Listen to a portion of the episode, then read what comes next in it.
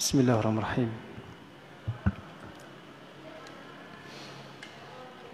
السلام عليكم ورحمة الله وبركاته.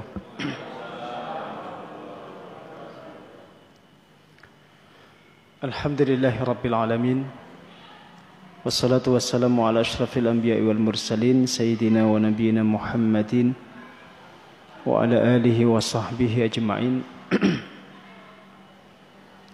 أشهد أن لا إله إلا الله وحده لا شريك له وأشهد أن محمدا عبده ورسوله لا نبي ولا رسول بعده أما بعد Ma'asyiral muslimin rahimakumullah Mari kita awali kajian kita dengan membaca lafaz basmalah bersama.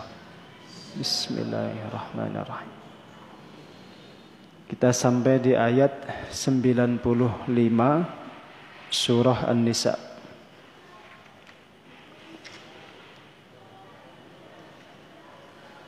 Kita akan kaji dua ayat yaitu ayat 95 dan 96 surah An-Nisa. Silahkan dibuka Qur'annya masing-masing. A'udzu billahi minasy syaithanir rajim. لا يستوي القاعدون من المؤمنين غير أولي الضرر والمجاهدون في سبيل الله. والمجاهدون في سبيل الله بأموالهم وأنفسهم. فضل الله المجاهدين بأموالهم وأنفسهم على القاعدين درجةً. وكلا وعد الله الحسنى وفضل الله المجاهدين على القاعدين أجرا عظيما درجات منه ومغفرة ورحمة وكان الله غفورا رحيما. لا يستوي tidaklah sama. Al-qa'iduna orang yang duduk-duduk yang berpangku tangan. Minal mu'minin dari kalangan orang yang beriman. Ghairu ulid dharari yang tidak memiliki uzur. Wal mujahiduna dan orang-orang yang berjihad fi sabilillah di jalan Allah. Bi amwalihim dengan harta benda mereka wa anfusihim dan jiwa-jiwa mereka. Faddalallah Allah melebihkan. Allah mengutamakan. Al-mujahidina orang-orang yang berjihad bi amwalihim dengan harta benda mereka wa anfusihim dan jiwa-jiwa mereka. Alal qa'idin atas orang yang berpangku tangan yang duduk atau yang tidak mau berangkat berjihad darajatan dengan satu derajat. Wa kullan dan semuanya dan keduanya wa'adallahu husna dijanjikan Allah al-husna kebaikan maksudnya surga wa Allah dan Allah mengutamakan al-mujahidina orang-orang yang berjihad alal qa'idina atas orang-orang yang duduk ajaran azima dengan pahala yang agung, pahala yang besar. Darajatin minhu beberapa derajat dari sisinya wa maghfiratan dan ampunan wa rahmatan dan rahmat wa kana Allah ghafurur rahima dan adalah Allah zat yang maha mengampuni lagi maha merahmati. Baik, kita kaji dua ayat ini. Kemudian nanti kita lanjutkan dengan tanya jawab ya. Saya jelaskan secara sekilas bahwa tidak pernah sama antara orang yang berjihad dengan yang tidak berjihad tidak sama di sisi Allah antara orang yang berjuang dengan yang berpangku tangan. Orang yang berjuang, yang berjihad itu diutamakan Allah, dilebihkan Allah beberapa derajat. Meskipun dua-duanya kalau keduanya ini orang yang beriman, kelak akan diberikan Allah balasan berupa surga. Tapi posisinya berbeda. Orang yang berjihad, yang berjuang visabilillah lebih tinggi derajatnya daripada orang-orang yang berpangku tangan yang tidak mau berjihad visabilillah. Ini yang pertama. yang kedua, kalau ada orang yang memiliki uzur, punya alasan atau punya halangan sehingga dia tidak berjihad visabilillah, maka orang seperti ini diberi pemaafan. Jadi orang-orang yang memang memiliki udur, udur yang syar'i, yang berhalangan sehingga tidak bisa berangkat berjihad atau tidak bisa turut berjuang visabilillah, maka mereka diberikan Allah pemaafan, diberi toleransi. Ya. Sedangkan orang yang tidak berjuang dalam beberapa kondisi kalau dia tidak memiliki udur yang syar'i maka dia dicela. Dia dicela. Jadi kurang baik. Ya meskipun kalau dia beriman tetap Allah Subhanahu wa taala akan memberikan surga. Kemudian yang ketiga di antara makna umum daripada ayat ini bahwa perjuangan fisabilillah Jihad fisabilillah itu bisa dengan harta benda, bisa dengan jiwa. Dan bisa dengan dua-duanya. Kalau ada orang yang beriman kemudian berjuang, dia menggunakan harta bendanya. Dia berangkat ke medan perang, dia biayai sendiri. Kemudian dia mati syahid di jalan Allah maka yang seperti itu tidak akan pernah bisa ditandingi oleh amal apa pun. Tidak pernah bisa ditandingi oleh amal soleh apa pun. Itu amal yang terbaik yang dipersembahkan untuk Islam. Jadi kalau orang berangkat ke medan perang, dia berangkat dengan biaya sendiri, tidak dengan biaya negara. Kemudian di medan perang dia mati-matian, dia bersungguh-sungguh kemudian dia terbunuh visabilillah maka posisi orang seperti itu tidak ada yang bisa menandingi. Itu posisi paling tinggi paling mulia. Ma'an nabiyyin was siddiqin was syuhada was salihin wa hasuna ulaika rafiqa. Ya posisi mereka itu nanti disatukan Allah Subhanahu wa taala dengan posisi para nabi. Ya jadi posisi syuhada yang seperti itu itu posisinya tertinggi. Dia berada di level atau di derajatnya para nabi. Ini yang ketiga. Nah, sekarang kita baca ya kitab yang menjadi referensi kita ini. At-tafawutu baina darajatin man qa'ada 'anil jihadi min ghairi 'udhrin fi sabilillahi bimalihi wa nafsihi wa in kana ma'luman. Lakin arada subhanahu bihadha al-ikhbar tanshitul mujahidina liyarghabu wa tabkitun lil qa'idina liya'nafu. Jadi ayat ini berbicara tentang selisih tafawut atau jarak antara orang-orang yang duduk berpangku tangan tidak mau berjihad tanpa udur yang syar'i dengan orang-orang yang mau berjihad di jalan Allah dengan harta dan jiwanya. Dan Allah Subhanahu wa taala dengan ayat ini ingin memberikan satu motivasi gitu agar orang-orang yang berjihad itu makin semangat. Agar orang-orang yang berjihad itu makin bersemangat dan agar orang-orang yang tidak mau berjihad itu makin merasa merugi atau merasa menyesali dirinya. Jadi maksud daripada ayat ini adalah untuk memotivasi orang yang berjihad itu makin semangat dalam berjihadnya dan orang yang tidak mau berjihad, yang tidak mau ikut berjuang itu makin menyesal. Itu kata beliau. Jadi ayat ini semacam tarhib. Tarhib itu ya motivasi. Ya, tarhib tar, tarhib itu motivasi.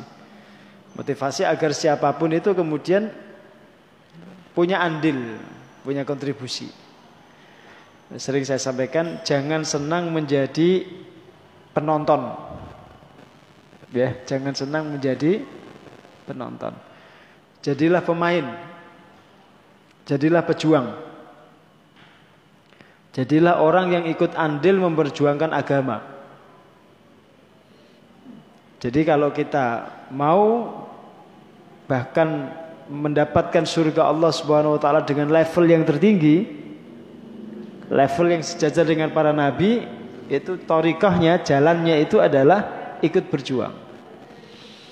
Kenapa? Karena Rasulullah itu pejuang. Rasulullah itu bahkan qaidul mujahidin. Pemimpinnya para mujahid. Maka kalau ada orang Islam kemudian dia lebih senang berpangku tangan itu tidak mau andil dalam perjuangan, ya itu perlu terus di apa bahasanya ya, dimotivasi. Perlu terus diberikan dorongan. Dan aneh kalau ada kemudian umat Islam yang ikut-ikutan memiliki pandangan negatif terkait dengan jihad fisabilillah. Karena ayat semacam ini tidak mungkin bisa kita hindari. Ayat seperti ini tidak mungkin bisa kita hindari. Maksudnya kalau kita ngaji Quran, kalau kita ngaji tafsir, pasti ketemu dengan ayat-ayat jihad seperti ini. Sehingga tidak mungkin kemudian kita hindari, kita loncati.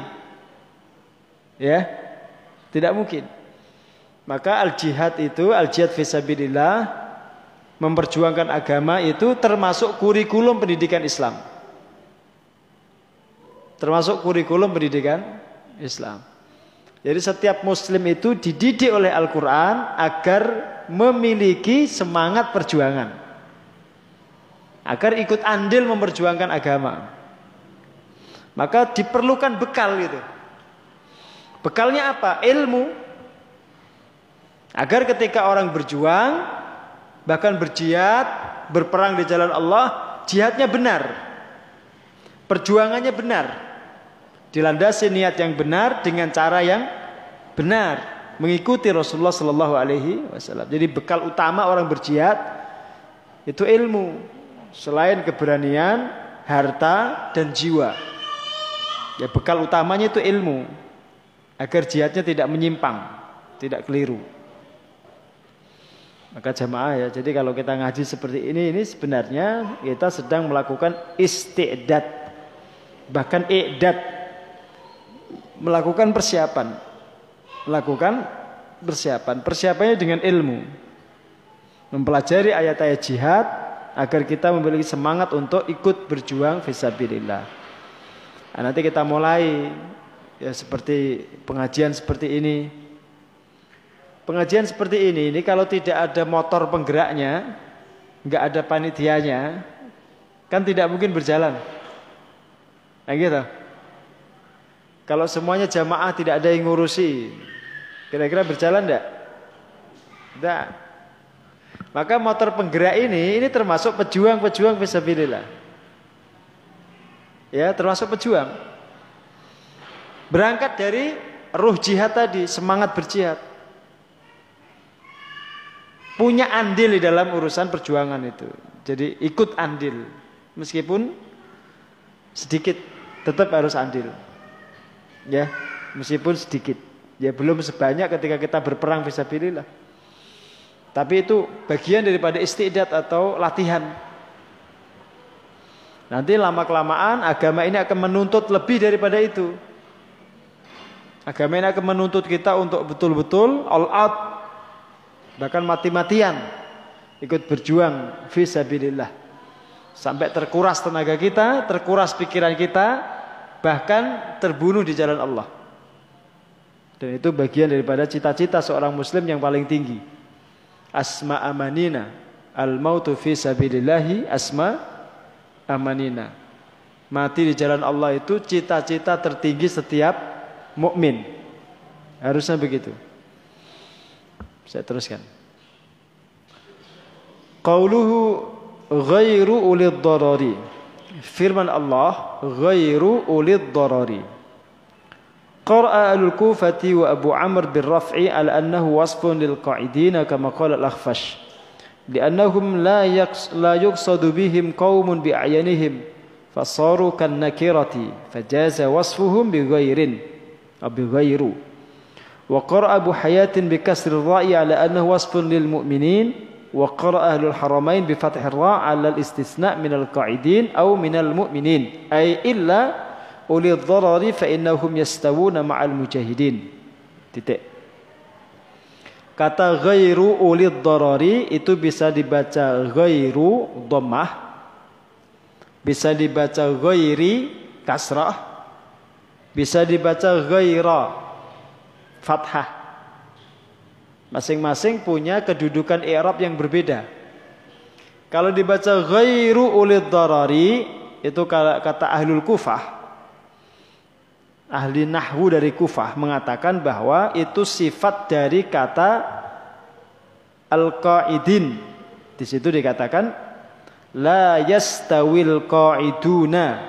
Sifatnya ghairu ulid darari. Karena kata al-qaiduna itu rafa, maka harus ghairu rafa juga. Ini ilmu nahwu kan. Ahli tafsir itu harus paham seperti itu. Kalau dibaca kasrah itu sifat daripada al-mu'minin. Kalimatnya kan la yastawil qaiduna minal mu'minin.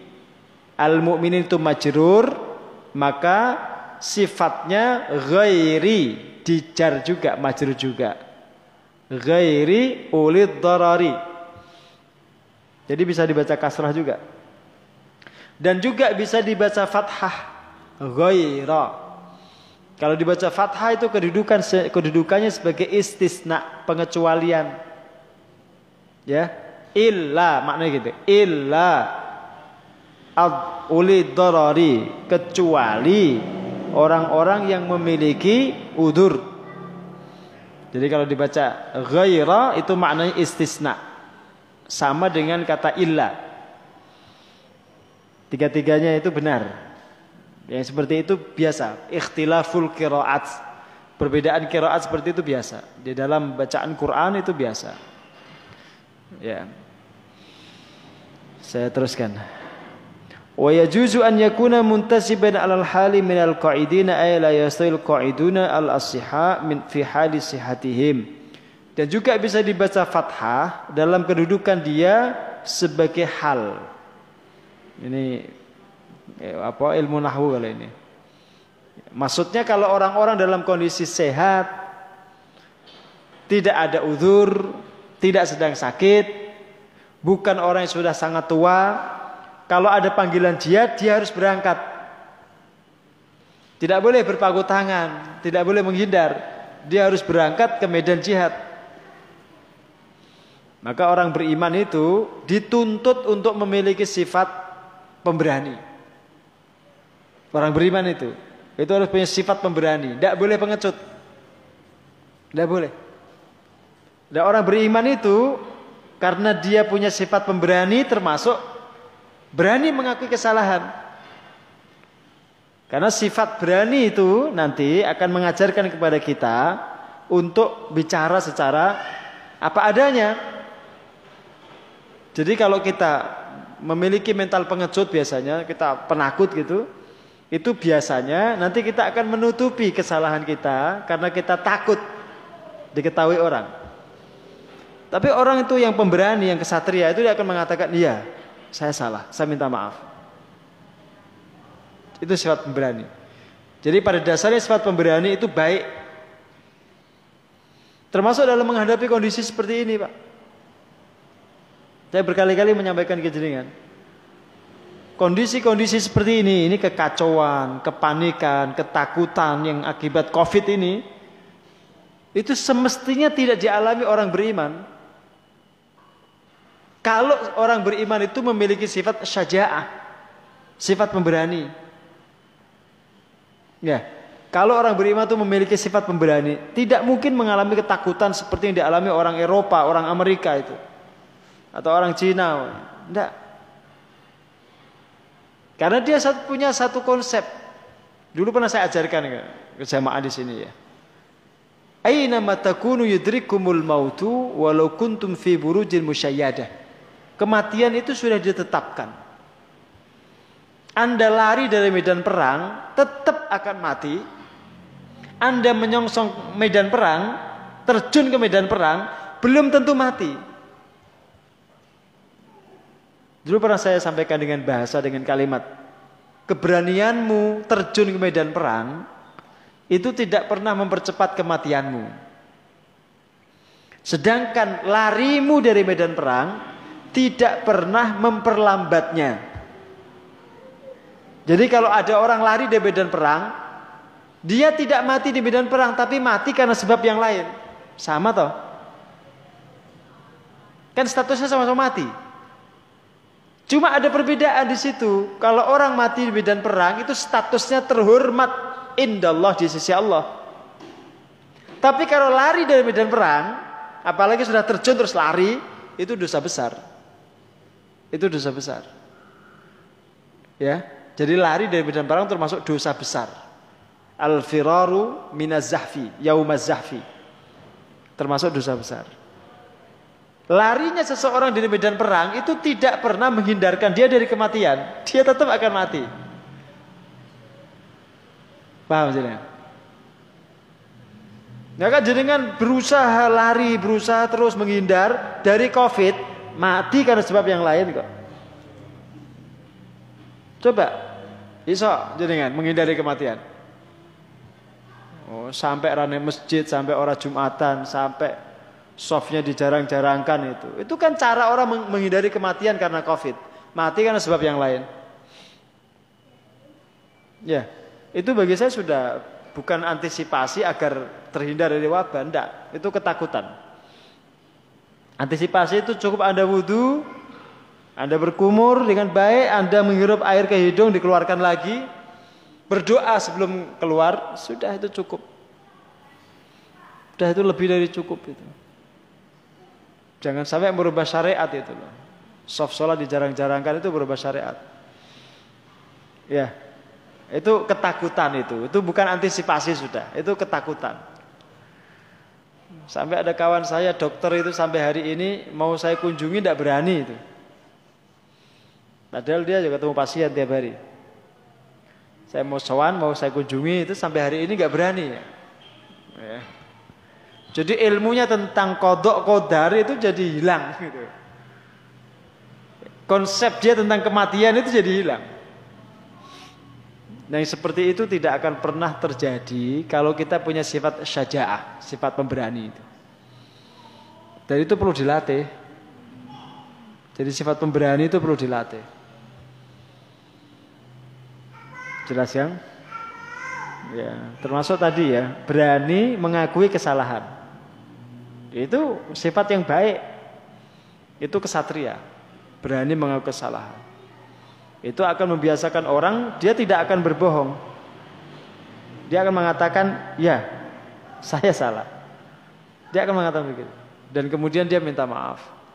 Memperbaiki kesalahannya dan itu akan menjadikan dia menjadi orang yang jauh lebih baik, lebih matang.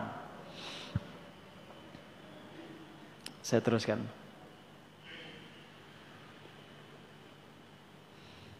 Qala ulama ahlu dharari hum ahlul a'dhari li'annaha adarrat bihim hatta mana'athum anil jihad. Para ulama berkata bahwa yang disebut dengan ahlu dharar adalah ahlul a'dhar, orang-orang yang memiliki udur. Kenapa? Karena udur itu yang menjadikan mereka terhalang dari jihad visabilillah. Karena ada udur, maka mereka tidak bisa berangkat. Ada orang yang buta, seperti Abdullah bin Umi Maktum. Ada sahabat Nabi yang pincang, seperti Abdullah bin uh, Juhainah. Ada sahabat Nabi yang uh, apa sakit yang sakit ada sahabat Nabi yang sudah sangat tua sudah sangat sepuh sekali. Nah orang-orang seperti itu itu disebut ahlu doror. Dia diberikan izin atau diberikan pemakluman untuk tidak berangkat ke medan jihad. Tapi uniknya sahabat seperti Abdullah bin Umi Maktum yang buta itu itu pernah terlihat oleh sahabat yang lain itu ikut pergi ke medan jihad membawa panji-panji. Itu saking inginnya dia ikut perang. Jadi dia pernah terlihat di tengah medan perang bawa panji-panji. Bawa panji-panji. Padahal orang yang bawa panji-panji itu terancam atau berpotensi untuk terbunuh pertama kali. Karena panji-panji itu kekuatan pasukan. Jadi kalau panji-panji jatuh ke tanah, sudah pasukan itu berantakan. Berarti kan dia sejak awal itu, beliau ini, Abdullah bin Maktum, memang berencana untuk mati syahid. Ya, niat betul itu ingin mati syahid. Maka dia bertugas memegang panji-panji. Padahal sudah diberi udur. Jelas Pak? Ini nanti termasuk berlaku juga kalau dengan sholat jamaah. Laki-laki yang sehat, laki-laki yang tidak sedang sakit, ya, itu ketika dengar adzan ya sudah berangkat ke masjid. Kecuali yang punya udur, yang sedang sakit, yang bepergian, ya, yang kemudian dia mengalami satu kesulitan, atau sedang dalam kondisi sangat lapar sudah dihidangkan makanan itu udur boleh jadi nggak ke masjid dalam kondisi sangat lapar ya ya dan itu nggak jadi kebiasaan gitu jangan makannya itu persis menjelang adzan disengaja itu biar nggak ke masjid yo jangan jelas itu udur itu ya kalau kita betul-betul punya udur boleh tidak ke masjid sholat jamaah boleh boleh. Itu disebut udur yang syar'i. Termasuk turun hujan, boleh nggak ke masjid? Hujan deras, sedangkan rumah jenengan jauh dari masjid. Tapi kalau mepet seperti ini ya tetap ke masjid. Ya. Atau tinggal melangkah ini kan tinggal melangkah toh. Nggak bawa payung pun insya Allah nggak terlalu basah. Mereka tetap ke masjid. Tapi kalau rumahnya jauh, ya mungkin ada beberapa langkah dari masjid. Kalau dia ke masjid dia akan basah. Sekalipun dia bawa payung, mungkin kainnya yang paling bawah itu bisa basah, maka boleh dia tidak ke masjid. Itu udur syari. Atau sedang terjadi banjir atau bencana, maka boleh tidak ke masjid untuk sholat jamaah. Begitu, itu yang disebut dengan ahlu darar. Wa dhahiru nadmil Qur'ani anna sahibal uzri yu'ta misla atau mislu ajril mujahid. Dan redaksi Al-Qur'an ini menunjukkan ghairu ulid darari di sini menunjukkan kalau orang yang punya udur ya, benar-benar udurnya tidak dibuat-buat, kemudian tidak berangkat berjihad fisabilillah, maka tetap dia mendapatkan pahala mujahid fisabilillah. Jadi kalau ada orang tidak berangkat ke medan perang karena ada udur yang dia alami, meskipun dia tidak berangkat, dia mendapatkan pahala seperti orang yang berangkat ke medan jihad. Ada sebuah hadis yang disebutkan di sini. Saya bacakan hadisnya. Inna bil madinati rijalan ma qata'tum wadiyan wala sirtum masiran illa kanu ma'akum ulaika qaumun habasahum al-udru. Sesungguhnya di Madinah itu ada laki-laki, ada para lelaki Tidaklah kalian memotong satu lembah atau melewati satu perjalanan kecuali mereka bersama kalian. Mereka itu adalah kaum yang terhalangi karena udur. Jadi katakan kecuali mereka bersama kalian itu maksudnya fil ajri. Dalam urusan pahala mereka itu mendapatkan pahala seperti kalian. Meskipun mereka di Madinah tidak ikut berperang bersama kalian, tapi pahalanya sama dengan kalian, kata Rasulullah. Andai mereka tidak mendapatkan udur, tidak sakit, tidak punya halangan, pasti berangkat seperti kalian. Maka mereka mendapatkan pahala sama seperti kalian, kata Rasulullah. Dia ini nanti juga berlaku kalau jenengan ngaji seperti ini. Biasanya ngaji, biasanya datang, duduk paling depan, meskipun setelah beberapa menit ngantuk itu. Tapi datang rajin itu. Ya, suatu saat sakit. Suatu saat sakit. Nah, ketika dia sakit itu, dia mendapatkan pahala yang sama dengan ketika dia berangkat. Itu baiknya Allah Subhanahu wa taala itu. Jadi urusan pahala itu Allah murah sekali. Termasuk kalau sholat jamaah seperti ini. Anda jenengan biasa rajin jamaah ke masjid, kemudian turun hujan deras seperti ini, terus jenengan tidak ke masjid, maka pahala jenengan tidak terkurangi sedikit pun. Tetap mendapatkan pahala yang sama dengan ketika jenengan berangkat ke masjid. Itu keutamaan orang istiqomah itu. Jadi keutamaan orang istiqomah ya, rajin rutin ke masjid untuk sholat jamaah itu sekalipun dia tidak berangkat ke masjid karena adanya udur tetap dia mendapatkan pahala yang sama. Anda kemudian jenengan juga mamanya pergi keluar kota. Terus tidak bisa sholat duhur, sholat asar. Di tengah perjalanan kan jenengan tuh sholatnya sendirian mamanya atau di jamak kosor. Maka jenengan tetap mendapatkan pahala sholat berjamaah seperti kalau di rumah mukim. Jelas ya? Di situ keadilan Allah itu.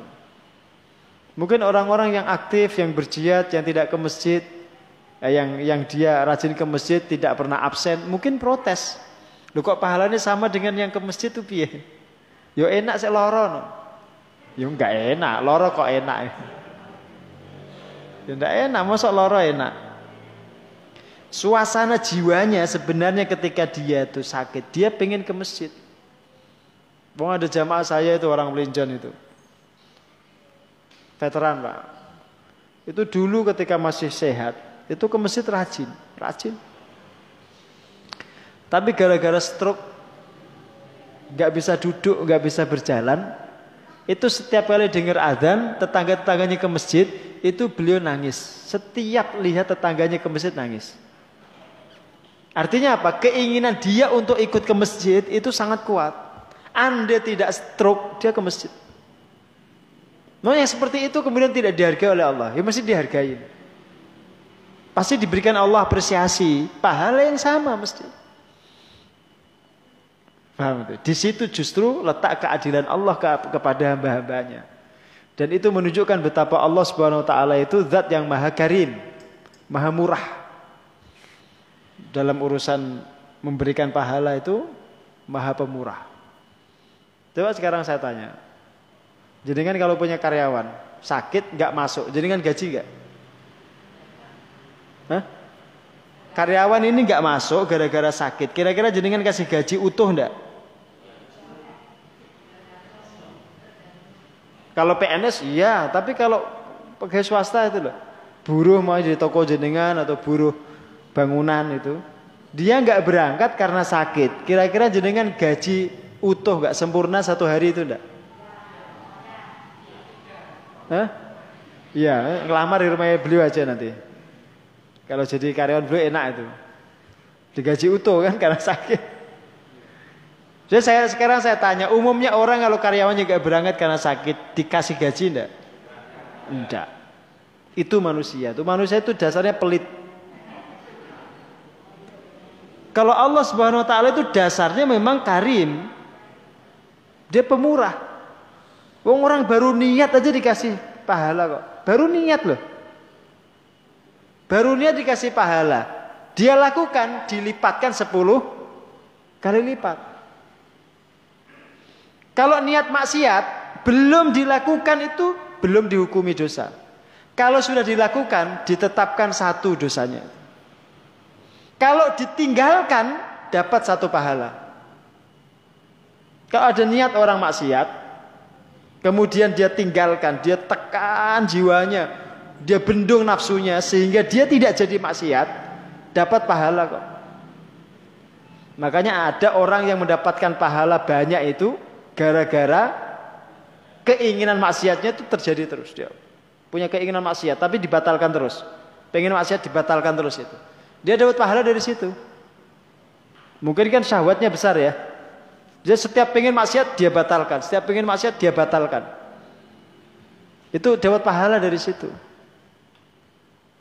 Kalau jangan suruh milih, niat beramal baik atau niat maksiat? Eh, sama-sama dapat pahala. Niat beramal baik dapat satu pahala, belum dilakukan ya. Niat maksiat dibatalkan dapat satu pahala. Jadi kan milih yang mana? Eh? Kan dapat pahala sama-sama Pak.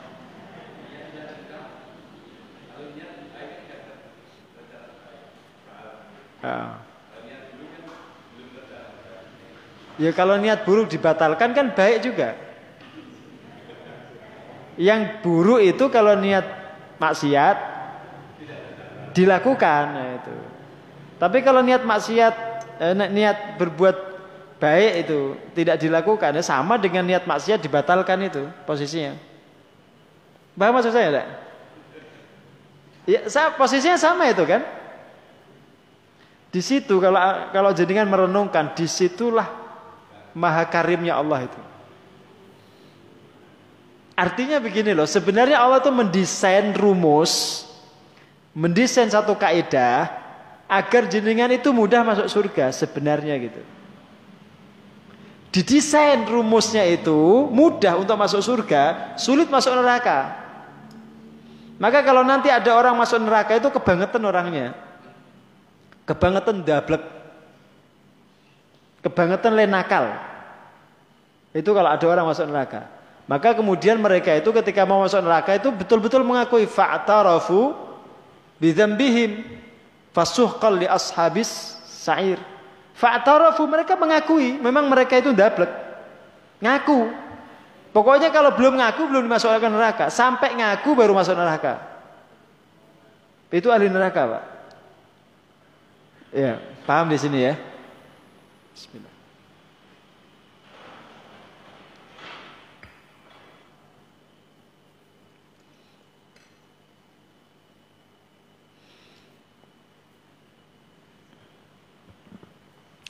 Jadi kata beliau, ahlul dharari hum ahlul a'dzar li'annahum li'annaha adarat bihim hatta mana'athum al jihad. Wa dhahiru nadmil Qur'ani anna sahib al-udhri yu'ta mithla ajril mujahid. Wa qila yu'ta ajruhu min ghairi tad'ifin fayafdhuluhu al-mujahid bit tad'if li ajli al-mubasharah. Qala al-Qurtubi wal awwalu as-sahhu insyaallah ta'ala. للحديث الصحيح في ذلك إن بالمدينة رجالا ما قطعتم واديا ولا سرتم مسيرا إلا كانوا معكم أولئك قوم حبسهم العذر. Ini tadi hadis yang saya bacakan tadi. قال وفي هذا المعنى ما ورد في الخبر. إذا مرض العبد قال الله تعالى اكتبوا لعبدي ما كان يعمل في الصحة إلى أن يبرأ أو أقبضه إلي. Ada juga hadis yang disebutkan di sini jika seorang hamba itu sakit maka Allah Subhanahu wa taala berfirman tulislah untuk hambaku apa yang biasa dia lakukan ketika sehat. Sampai ia sembuh atau aku cabut nyawanya. Jadi kalau ada seorang hamba yang sakit Allah akan menuliskan apa pun amal yang pernah dia lakukan ketika sehat pahalanya sama meskipun dia sedang sakit sampai kondisinya sehat. Atau sampai dia meninggal. Ditulis tetap melakukan amal itu. Itu termasuk kalau ada orang tua yang pikun Pak. Jadi orang tua yang pikun itu dihukumi sejak pikunnya itu sampai dia meninggal atau sampai sembuh itu kebiasaan dia sehari-hari apa sebelumnya maka membiasakan amal soleh itu baik. Karena ketika jenengan punya kebiasaan amal soleh, Nanti ketika sakit ditulis seperti itu. Meskipun jenengan tidak sedang melakukan amal itu. Umpamanya jam sekian jenengan ngaji.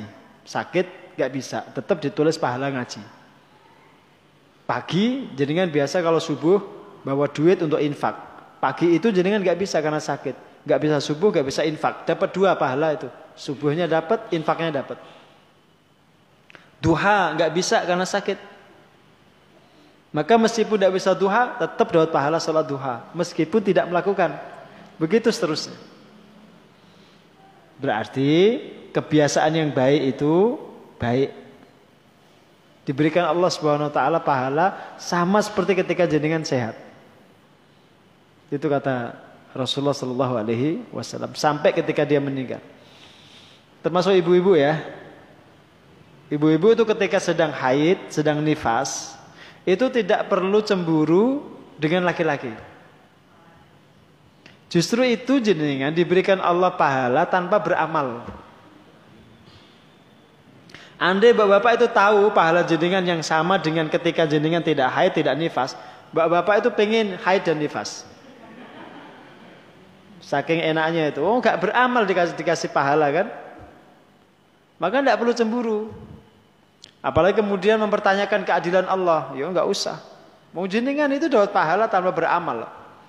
Tidak sholat, tidak puasa, tidak baca Quran, ya kan? Tidak ke masjid. Jenengan dapat pahala yang sama. Dia enak mana itu? Beramal dapat pahala, tidak beramal dapat pahala. Enak mana coba? Kalau hitung-hitungan loh, hitung-hitungan. Enak mana kan? Beramal dapat pahala, tidak beramal dapat pahala. Ya mesti nak manusia itu milihnya nggak beramal dapat pahala. Orang kerja di duit oke. Gitu. Eh, umumnya manusia itu begitu. Nggak kerja, duitnya banyak.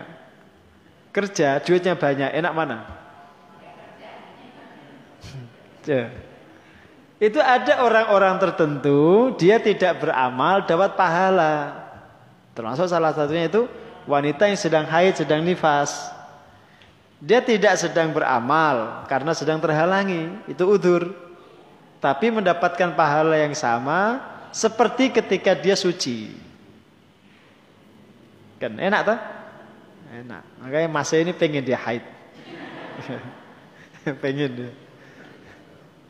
Ya, nggak dapat pahala. Jadi nggak perlu kemudian mempertanyakan keadilan Allah. Itu nggak enak bagi perempuan itu. Ya. Itu sudah kodratnya wanita. Bahkan nanti dia punya kesempatan amal yang tidak bisa dilakukan laki-laki. Mengandung, menyusui anak, itu nggak bisa laki-laki itu. Dari situ kemudian dia mendapatkan pahala doa dari anaknya itu disampaikan Allah Subhanahu wa taala kepada dia dulu sebelum ke suaminya. Jadi kalau punya anak soleh, dia berdoa itu Rabbik firli wali walidaya itu itu ibundanya dikasih dulu, baru ayah ayahadanya. Ya tetap dikasih dua-duanya, tapi ibundanya itu dikasih dulu. Kalau bahasa transfer itu cepetan ke ibunya daripada ke ayahnya. Ya kan? Termasuk posisi surga itu. Karena Nabi mengatakan apa?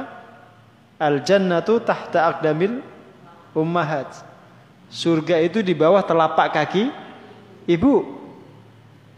Itu nggak bisa dicapai laki-laki. Sesoli apa pun tidak bisa itu. Ya, maka tidak perlu iri dengan laki-laki. Jelas bu? Ya. Maksud saya kalau lagi haid itu tidak harus ikut ngaji ke masjid ini kan. Kalau di emperan boleh, tapi kalau di dalam masjid jangan. Ya, kalau sedang haid.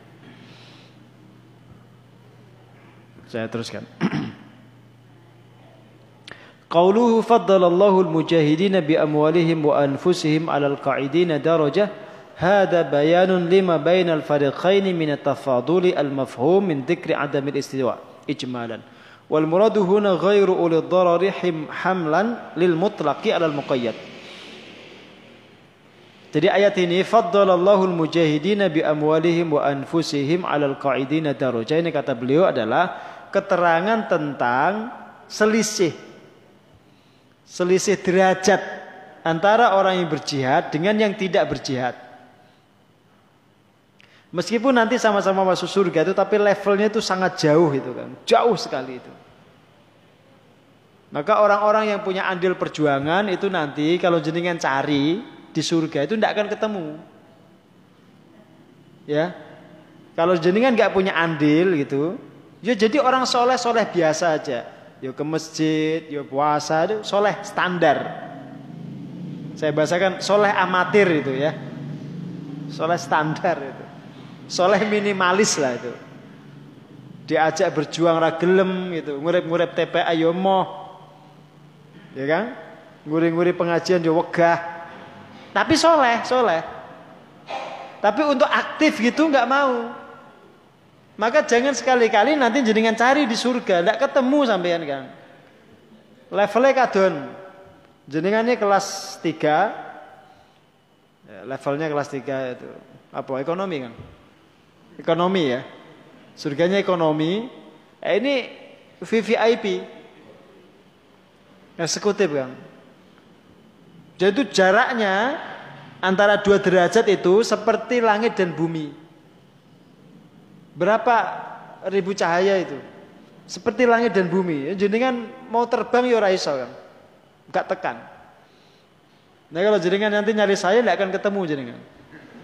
Enggak bakal ketemu. Kok golek yo gak ketemu satu hari. Ora ketemu. Tak lagi mana apa meneh angel. ya. Makanya ini kan menuntut kita untuk ikut aktif gitu lah. Jadi ikut ayo ayo ayo kita sedikit-sedikit latihan untuk mem memiliki andil perjuangan.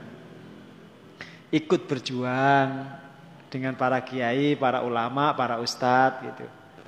Ya karena apa? kita ini sebenarnya di Indonesia ini sekarang ini sudah enak banget lah. Tinggal melanjutkan. Menjaga, merawat dan melanjutkan. Saya itu tidak pernah bisa bayangkan dulu para ulama kita ketika pertama kali berdakwah di Indonesia. Coba jangan bayangkan, mereka itu orang Arab datang ke sini, ketemu orang Indonesia, rata-rata bahasanya Jawa. Ini kan sudah kendala bahasa sendiri. Satu, sulit loh kan? Kendala bahasa itu tidak gampang. Berarti mereka harus sampai expert mempelajari bahasanya itu. Harus sampai tahu selok beluk bahasa Jawa. Itu satu pekerjaan sendiri toh. Belum budayanya. Belum selok beluk agamanya. Coba. Belum menembus birokrasi kerajaannya ketika itu. Itu pekerjaan yang rumit kan. Tapi saya pernah melihat peta Wali Songo di petanya Portugis itu, peta kan, saya pernah lihat ya. Jadi peta ditulis dengan huruf dengan huruf Portugis. Satu gini ini, ini titiknya di di sini ini Wali Jawa kan. Dakwahnya Wali Songo itu ternyata nggak cuma di Jawa. Petanya itu menyebar sampai Sumatera, Makassar. Perjalanannya itu loh kan. Padahal dulu tidak ada pesawat. Itu apa garis-garisnya itu, masya Allah, saya lihat itu hampir merata di seluruh Nusantara itu diinjak mereka. Bali Songo itu. Dia itu tersimpan rapi di museumnya orang Portugis. Mereka punya catatan tentang geraknya Wali Songo. Terpantau oleh Portugis ternyata. Tidak main-main itu. Kalau jenengan kemudian Melihat kenyataan sekarang ini kan antar umat Islam bahkan gontok-gontokan, saling tuduh menuduh itu sedih. Padahal tinggal melanjutkan aja kan. Ya, tinggal melanjutkan merawat. Maka ini yang muda-muda ini anak-anak muda ini mumpung masih muda itu ya. Belajar yang rajin, yang sungguh-sungguh. Jangan disia-siakan waktunya tuh. Ngaji di mana pun datangi dengan ustadz siapa pun yang penting punya kitab ada kitabnya itu jenengan datangnya tapi pesan saya kalau ngaji baik kitab kan nojo ngaji tanpa kitab nojo seorang model saya saya sering menyampaikan kampanye di mana-mana itu kalau ngaji nggak ada kitab bos rasa di parani itu musibah itu masalah nanti yang dibaca di rumah primbon mau diajarkan jenengan malah bahaya ngertos primbon ngertos saya tunggu apa niku? Tinggo apa istilahnya nak pribon niku tinggo nebak nasib. Gue ngitung. Hitung nasib. Saya bacakan lagi. Faqala faqala qaumun at-taftilu bidarajati thumma bidarajati innama huwa mubalaghah wa bayanun wa ta'kid. Tadi ada dua kata di situ, kata daroja bentuknya tunggal. Kemudian di ayat 96 itu darojatin bentuknya jamak. Nah itu kata beliau itu sifatnya takkid. Takkid itu penegasan. Maksudnya itu tidak hanya satu level atau satu tingkat, tapi bertingkat-tingkat di atas orang yang berpangku tangan. Para mujahid itu mendapatkan derajat bertingkat-tingkat di atas orang yang berpangku tangan, yang tidak ikut mau berjihad. Kata beliau begitu. Wa qala akharun faddalallahu al-mujahidina 'ala al-qa'idina min uli dharari bi darajatin wahidatin wa faddalallahu al-mujahidina 'ala al-qa'idina min ghairi uli dharari bi darajatin. Qala Ibnu Jurayj wa Saddi wa ghairuhuma wa qila inna ma'na daraja 'uluwan ay a'la dzikruhum wa raf'uhum bisana wal madah. Jadi kalau kalau surga itu kan derajat itu kan naik itu ya. Jadi makin naik itu makin tinggi derajatnya. Makin terhormat. Makin mulia posisinya, makin luar biasa kenikmatannya. Kalau neraka itu darokat, makin ke bawah makin berat. Karena makin mendekati tungkunya apa itu? E, bahan bakarnya. Dia makin ke bawah makin panas, makin mengerikan. Kalau surga itu darojat, kalau neraka darokat. Jadi makin ke bawah makin berat, kalau surga makin ke atas makin nikmat. Maka ada sebuah hadis yang nanti juga disampaikan Rasulullah, kalau kalian minta surga maka mintalah al-firdaus. Saya bacakan di situ ya.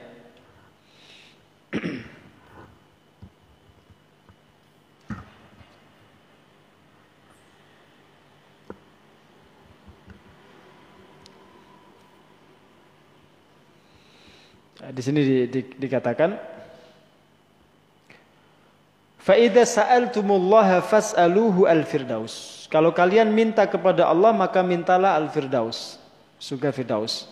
Fa'innahu awsatul jannati wa alal jannati. Karena surga firdaus itu surga yang paling tengah dan paling tinggi derajatnya. Wa fauqahu arsyur rahman. Karena di atasnya persis itu ada arus ar-rahman. Wa minhu tufajjaru anharul jannah. Dan dari arus itu sungai-sungai surga itu dialirkan. Begitu kata Rasulullah. Dan perbandingan derajatnya tadi saya bacakan di sini.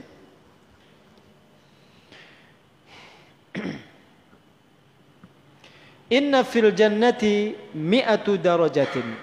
Sesungguhnya di surga itu ada seratus derajat. A'addallahu a'addahallahu lil mujahidina fi sabilillah ma baina darajataini kama baina samai wal ardi yang Allah siapkan untuk para mujahid fisabilillah. Antara dua derajatnya itu seperti antara langit dan bumi. Jaraknya itu kan. Ya kan? Antara langit dan bumi itu perjalanan berapa berapa tahun cahaya itu? Berapa itu? Antara langit dan bumi itu. Tidak mungkin tercapai kan? Itu begini maksudnya kan. Itulah posisi para mujahid. Maka ketika mengetahui hadis seperti ini dulu para sahabat itu hampir tidak ada yang mau ketinggalan jihad. Sampai-sampai ada sahabat namanya Handolah. Handolah. Habis persis habis nikah, habis nikah. Masih dalam kondisi dia bulan madu.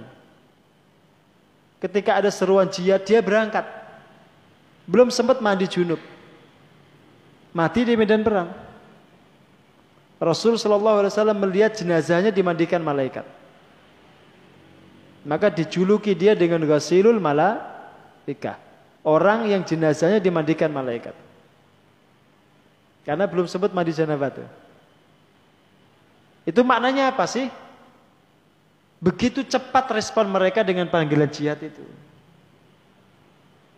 Jadi tidak berleha-leha seperti kita di sini. Ya, kalau jenengan dipanggil untuk sholat aja santai begitu, gimana dipanggil jihad? Sholat itu kan nggak ada luka, nggak ada kematian, nggak ada darah. Ya tak? Lu kalau dipanggil sholat aja seperti itu, gimana kalau ada panggilan jihad? Maka malu dengan sahabat Handullah itu. Sahabat Handullah itu tanpa berpikir kok. Nanti bagaimana istrinya, itu tidak dipikir dia. Semoga mangkat. Akhirnya mati syahid. Dan Rasul melihat beliau dimandikan malaikat. Karena orang orang mati syahid itu kan sebenarnya pada dasarnya nggak boleh dimandikan, toh? Dikuburkan dengan darah, luka dan bajunya dimandikan. Apa di, dikuburkan. Nanti dibangkitkan dalam kondisi masih mengalirkan darah itu tubuhnya itu. Tapi tidak sakit dan darahnya itu lebih wangi daripada kasturi. Maka kalau orang mati syahid betul-betul mati syahid, darahnya itu tidak amis, darahnya itu wangi. Asal betul-betul dia mati syahid. Darah yang mengalir dalam tubuhnya itu wangi. Maka pernah Uhud itu ketika kebanjiran, ada beberapa jenazah para sahabat itu yang terseret air. Itu masih mengalirkan darah segar. Masih mengalirkan darah segar sampai hari ini. Dan darahnya wangi luar biasa. Rambutnya itu tidak satu pun rusak. Rambutnya itu. Masih utuh. Giginya masih utuh. Tubuhnya masih utuh. Darahnya masih segar. Masih seperti pertama kali dia terluka. Itu keajaiban. Karomah. Yang diberikan Allah subhanahu wa ta'ala untuk para syuhada. Yang seperti itu mestinya menjadikan kita itu makin yakin. Dan uniknya orang yang mati syahid itu kan, meskipun terlihat dia terluka berdarah-darah, itu sakitnya, sakit sakaratul mautnya itu, itu hanya seperti disengat lebah. Begitu dalam beberapa riwayat itu. Hanya seperti disengat lebah. Itu kalau betul-betul mati syahid, jadi tidak sakit. Tapi kalau mati biasa, sakaratul maut biasa itu sakitnya naudzubillah. Nah di situlah kemudian dulu para sahabat itu memburu mati syahid. Bahkan ketika mati, pengen dibangkitkan lagi, berjihad lagi, mati lagi, dibangkitkan lagi, ikut berjihad lagi, mati lagi gitu. Sampai tidak terhitung. Karena mereka sudah tahu sakitnya itu tidak seberapa dan kenikmatannya luar biasa. Nanti di surat Yasin itu jenengan kalau baca nanti ada ada ada ada kalimat begini yang diucapkan oleh Habib An-Najjar itu. Ya laita qaumi ya'lamun bima ghafar li rabbi wa ja'alani minal mukramin. Aduhai alangkah indahnya kalau kaumku mengetahui posisi yang diberikan Allah kepadaku. Aku dijadikan termasuk orang-orang yang terhormat. Itu ucapan Habib ketika dia sudah di surga. Disampaikan Allah kepada kita di dunia saat ini lewat surat itu. Ya, lewat surat itu disampaikan Allah kepada kita untuk memberitahukan kepada kita kalau orang mati syahid seperti Habib An-Najjar yang diinjek-injek oleh kaumnya sampai terbure ususnya itu mati syahid ya. Itu tidak sakit dan ketika dia sudah sampai di akhirat yang dia rasakan nikmat surga Allah Subhanahu wa taala. Itu kalimat beliau dari surga itu. Ya laita qaumi ya'lamun. Nanti jenengan bacalah itu ayat 20 berapa itu. Surat Yasin. Agar jenengan tahu ya. Jadi orang mati syahid itu tidak sakit. Maka orang beriman sekali lagi harus punya semangat jihad. Diimplementasikan nanti dalam semua perjuangan Islam. Entah itu perjuangan pendidikan, entah itu ekonomi, entah itu politik bagi yang politisi muslim ya. Entah itu bidang-bidang yang lain. Yang penting dia niatkan untuk i'la kalimatillah untuk syiar untuk meneguhkan eksistensi agama. Jangan jadi orang yang berpangku tangan jangan jadi orang yang apa yang menonton saja. Ya Jadilah pelaku, jadilah pemain. Pelaku sejarah. Jangan jadi penonton. Jadi akhirat itu tidak ada tempat kecuali dua pak. Kalau nggak surga, neraka. Kalau nggak surga itu neraka. Nggak ada tempat ketiga. Tempat penonton tuh nggak ada. Balkon itu nggak ada. Kalau jaringan lihat lihat main bola itu yang sekelilingnya itu namanya apa? Tribun. Nggak ada di akhirat. Tapi filosofinya jelas. Yang namanya permainan itu dari dulu. Yang nonton dengan yang ditonton itu lebih banyak mana? Yang nonton lebih banyak tuh. Kayak gitu. Jadi yang aktif, yang pemain dengan yang penonton itu selalu lebih banyak penontonnya. Ya, selalu lebih banyak penontonnya. Dari dulu. Termasuk pelaku kejahatan pun begitu sebenarnya. Sebenarnya kejahatan terjadi itu bukan karena pelakunya itu hebat-hebat, enggak. Karena mayoritas masyarakat itu nonton, nggak mau mencegah. Nah gitu. Yang punya amar semangat amar ma'ruf nahi mungkar itu tidak banyak. Karena kalau dia menegakkan betul amar ma'ruf nahi mungkar itu nasibnya akan seperti Habib Rizik itu. Dikuyo-kuyo wong Indonesia. Arab mulai angel. Ini Pak. Nasibnya seperti Habib Rizik itu. Kalau betul-betul itu spiritnya amar ma'ruf nahi mungkar. Dia dimusuhi bukan karena apa-apa, karena dia musuhnya para para penjahat, bandar narkoba. Diskoti-diskoti di Jakarta itu musuh dia itu. Yang dibackingi oleh para aparat. Ya karena itu dia dimusuhi, bukan karena sebab yang lain. Oh, dia bukan politisi, dia bukan apa pendiri partai. Naasnya sebagian kiai kemudian ikut musuhi. Ya kan? Tapi kiai selamat itu bukan bukan kiai yang asli itu, kiai selamat atau kiai beling ya, kiai beling. Kalau kiai yang asli enggak. Insya Allah kalau kiai asli itu cinta dengan Habib Rizik ya. Karena kita termasuk termasuk ajaran agama itu mencintai duriat Rasul. Mencintai keturunan Rasul. Kalau jenengan benci dengan keturunan Rasul, rusak agama jenengan. Keturunan Rasul lo dibenci. Apalagi keturunan Rasul ini mengajak kebaikan, menolak kemungkaran kok. Masa dibenci? Jelas saya. Meskipun jenengan nggak harus masuk FPI, nggak harus. Udah jadi pejuang Masjid Al Baru aja udah cukup. Nggak harus masuk FPI, nggak harus. Tapi jangan sampai tercatat menjadi orang yang benci dengan duriat Rasul siapa pun dia. Entah itu Habib, entah itu Sayyid, entah itu Syarif, Syarifah. Tidak boleh dengan benci. Karena keturunan Rasul itu dipesankan Rasul untuk dijaga, diingatkan dijaga. Jadi kan dipesan untuk menjaganya. Menjaganya, melindunginya. Makanya ketika dulu Habib itu dikuyo-kuyo, saya lihat persis. Ketika aksi 4.11 itu. 4 November. Saya persis di depan mobil komandonya itu persis saya. Di depan yang kawat-kawat itu loh saya itu. Jadi ketika mobil komandonya ditembaki oleh aparat begitu, saya di depannya persis saya delosor di bawah itu. Saya nangis, nangis bukan karena karena ini, bukan karena gas air mata. Saya tuh nangis karena ada seorang keturunan Rasul diperlakukan seperti itu. Ya, ditembaki seperti itu, seperti musuh negara gitu. Itu saya nangis karena itu.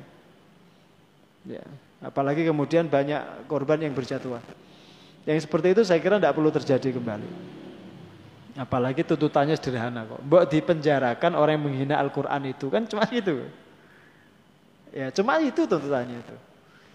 Kemudian dibuat narasi-narasi anti kebinekaan dan seterusnya.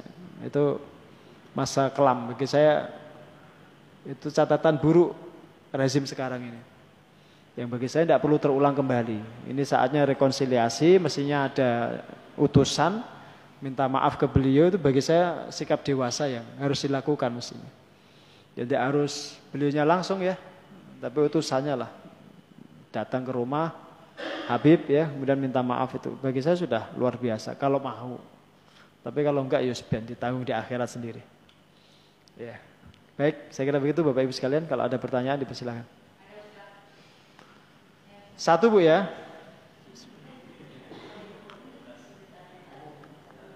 Silakan. Satu aja.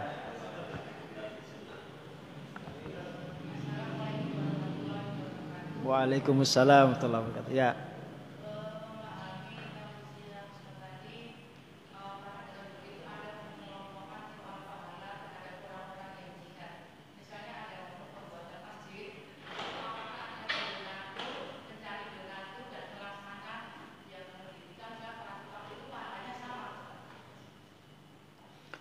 Semua yang terlibat pahalanya sama.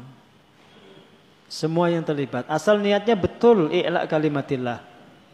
Yo panitia pelaksana, yo fundraising pencari donasinya, yo termasuk tukangnya itu kalau betul-betul dia niatnya tidak sekedar kerja, tapi dia betul-betul mau ikut andil berjuang, ya, tetap dia akan mendapatkan pahala yang sama. Termasuk yang wakaf tanahnya, yang urunan, semuanya.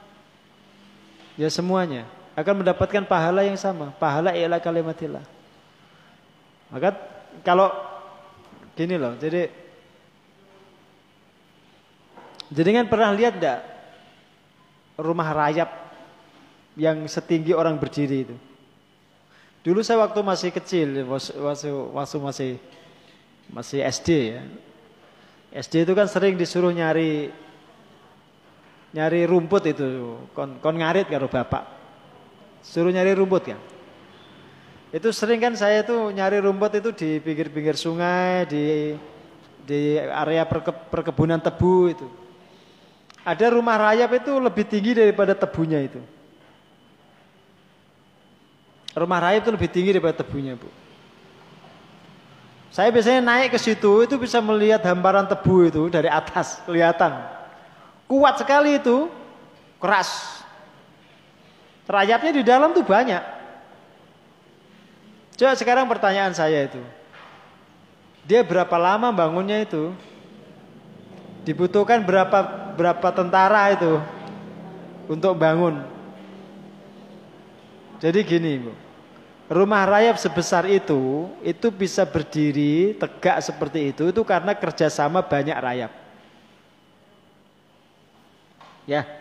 Kerja siang malam, tak kenal henti, berproses terus, penuh kesabaran, ulet. Kerja sekian banyak rayap itu. Saya sering batin tuh gini. Umat Islam itu sebenarnya umat yang hebat. Umat yang hebat. Dia bisa bergerak seperti rayap itu untuk membangun apa saja yang dia mau bangun. Syaratnya satu, bersatu dan kompak. Asal kompak, bersatu, yakin apa pun yang diinginkan umat Islam itu jadi. Tahu saya aja Masya Allah tuh saya merasa bahagia sekali Bu. Ketika saya persis lah ketika pas musim corona itu loh. Itu justru kemudian saya baru mulai membangun pesantren itu. Pas mulai resesi itu. Bangun pesantren. Sejak hari pertama saya mulai meletakkan batu pertama, mulai bangun itu. Sampai hari ini berulang kali saya mendapatkan keajaiban itu.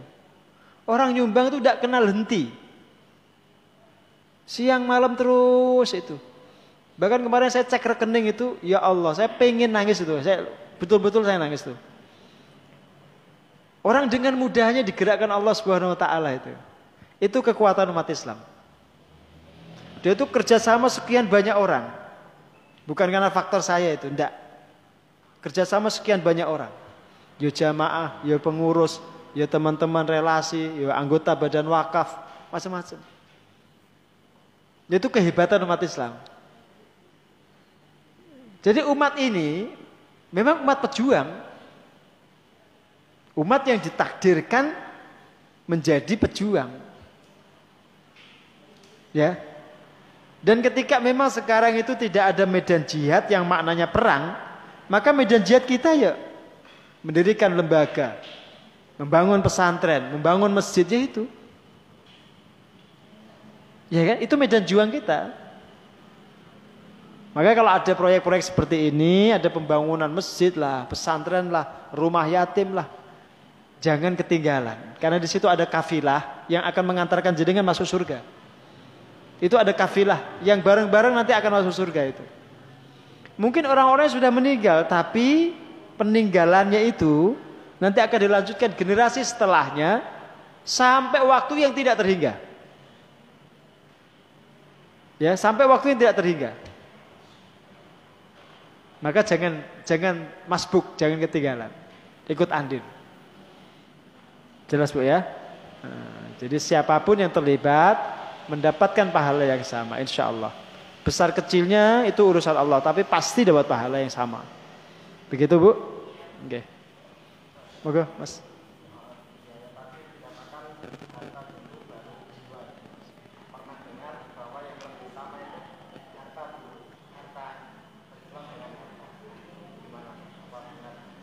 Ya.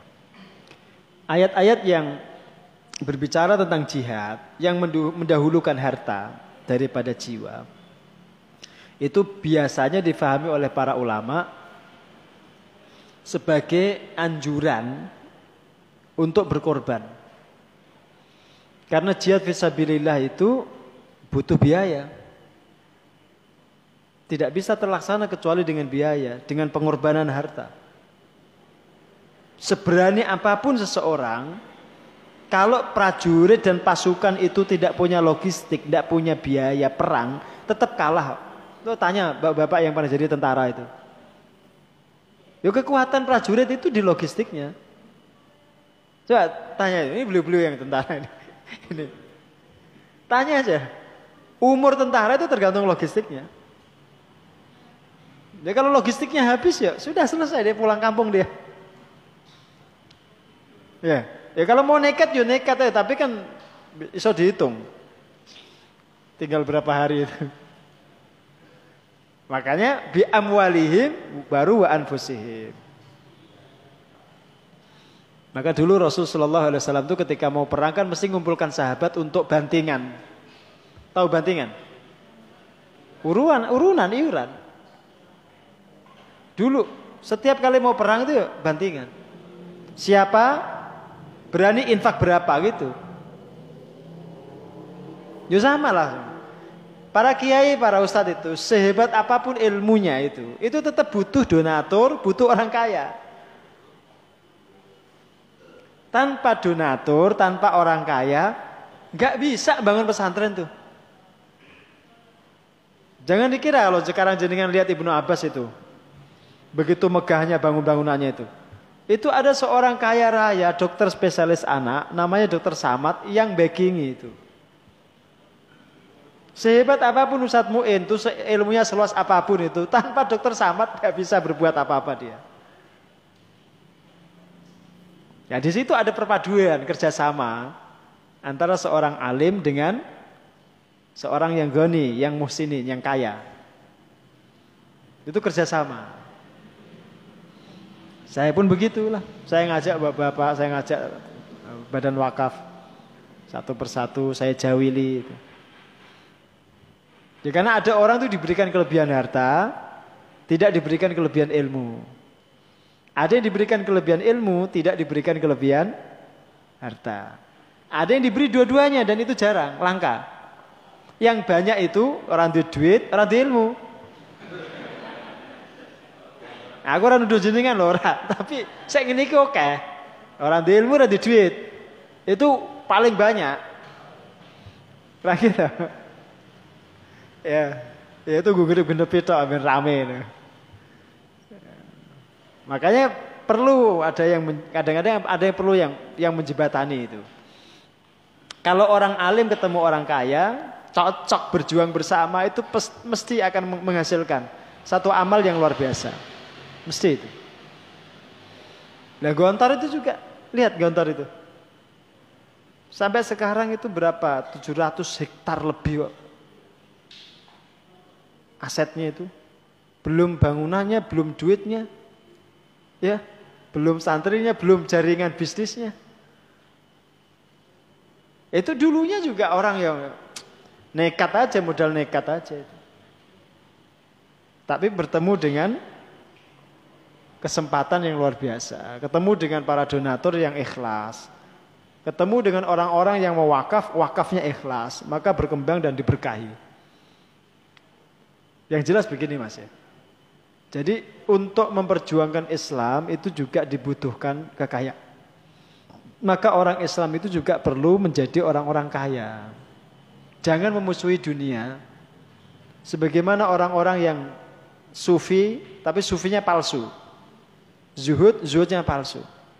Dan saya sering mengajarkan anak-anak saya itu. Agar jadi orang kaya nanti. Kaya dengan cara yang benar. Jadi pengusaha, pedagang. Yang kaya, tapi kayanya dengan cara yang benar untuk perjuangan. Jangan sampai jadi orang miskin. Terus berdoa, Allahumma jima'na fi jumlatil masakin. Ya Allah kumpulkan aku bersama orang miskin. Difahami itu perintah untuk jadi orang miskin. Kalau orang miskin ini kemudian diperbanyak, makin diperbanyak, bukan Islam makin berjaya kan, makin beban eh, beban sosial itu makin berat.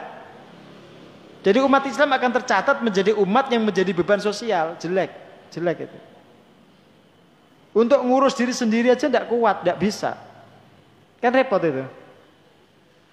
Maka perlu orang-orang kaya yang menopang agama ini dengan hartanya. Begitu Kang ya? Baik. Cukup saya kira ya. Mari kita akhiri dengan baca hamdalah dan kafaratul majlis bersama-sama. Alhamdulillahirabbil alamin. Assalamualaikum warahmatullahi wabarakatuh.